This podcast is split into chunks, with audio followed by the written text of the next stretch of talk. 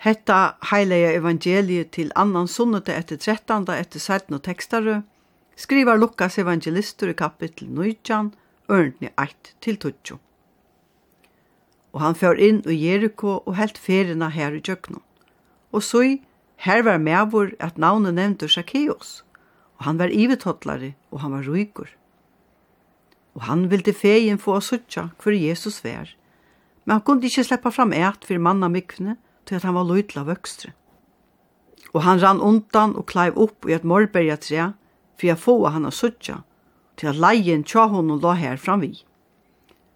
Og ta Jesus kom hier, leit han opp og ber eia vi han, og sier vi han, Zacchaeus, skundat her og kom nyer, til at i det må jeg komme kista ut i noen huset.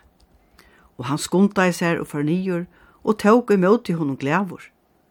Og ta i til så hetta, vør til öll illa vi og søttu, han er færen inn tja en og mann i a kista. Men Zacchaeus steg fram og sier vi herran, så i herre, helmengen av ågnmøyne djev i fatakon, og om onker er, som jeg av aurøtten hava tid og mykje fra, ville leta til færfalt atter. Men Jesus sier vi han, og i det hever frelsa veri i hesson huset fire, vi til at eisne hese mevor er soner Abrahams, til at menneskesåneren er kommet å leite opp i farna og at bjerga tog. Og i togene fra 13. til 1. er vi til tog vi råpa oppenberingstogen. Badne som vi glettest om av jævlen er nu våre til vaksna mann som fyr om og boar evangeliet. Han oppenberer hver han er og hva han megnar og hever hervi oppenberer seg for jokken spurningin om hvor kan sleppen og gos rujtje vir sværa vir hessa tøyina. Seinast av sånne der, fink vi da vita at bøttene kunne komme inn i gos rujtje. Nu er det folk som Zacchaeus som er av skronne. Og som heldur ikkje var rokna mittlen tarra, så kunne du arva gos rujtje årsak av løyvnum til livdom. Zacchaeus er ivetotlar vir sagt, og så er alt sagt, er helst hoksan ta døvun. For i okkon er det pura borste vi at hoksa, at arbeid som totlare kan hava nekra avvirskan av kvæt og kvosso vi akkong til himmelen, men så var ikkje ta. Det var så mengt som forrei fri akkong til Guds rujt. Men vi kom og Jesu brøttest alt dette. Så det er fyrr og et etter Jesu kom i heimen. Vi kunne råpa til et radikalt skifte som hever ståra og ekvislige avvirskan og alt loiva fullt. Øll vera satt og øll kunne komme vi. Tema i hesafer kan vera hetta at vera sattur og virkjentur som menneska, ikkje fyr til at du gjerst, men til at du erst, eit godsbaden som hever misti bostur. Etla er fjern bostur fra gode og hever tørv av er vera funnen og sattur. Ofta veri luknelse om bostvista seien som skriver Ertja Lukas i kapitel 15 sette samband vi mannen Zacchaeus.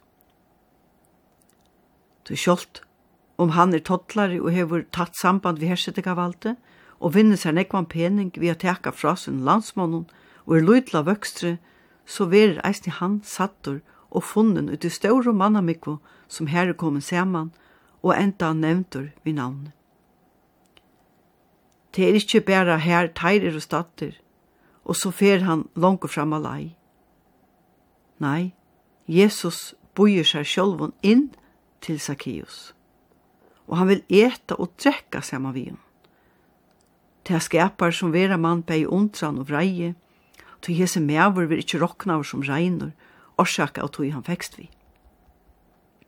Men hette er ikkje einast av ferien at Jesus er saman vi toddlara. Begir kja Matteus og Marskos er lesa vid om at Jesus er saman vi taimon, som ongen annar vil det vera saman vi.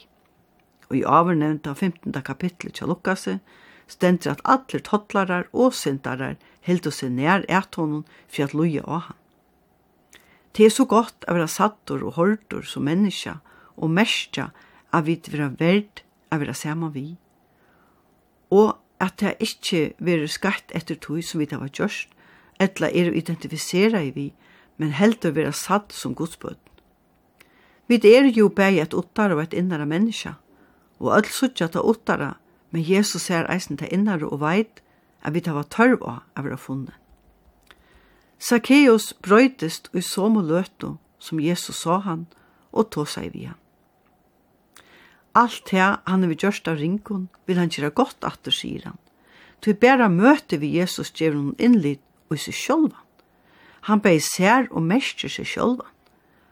Og tog, kanskje kunne vi sige at han vil sattur i kærleika brøytst han. Og i det hever frelsa veri hesun huset fire, sier Jesus. Alt veri rensa og nutt vi vidjanene. Hvor kjenner ikkje til ta gestene færa steater, hese seilju gester, er så like gleden og takksem i etter. Og i okkara samfellet er det folk som lever utanfyr, som gjerra og meina anna enn er. Kosse suttje er tei, som menneskjo etla som fudgjenta og kvært halda vit om tei. Er tei verda vera saman vi, eller skulle tei rekast av bygdene? Ta Jesus oppenbera seg, vera tingene sette perspektiv, at vera satt gjer at vi suttje okkur sjolvi og Jesu oppenbering. Zacchaeus møtte fyrirgjøving, omsorgan og kærleika, ikkje fordøming og stongt om dyr.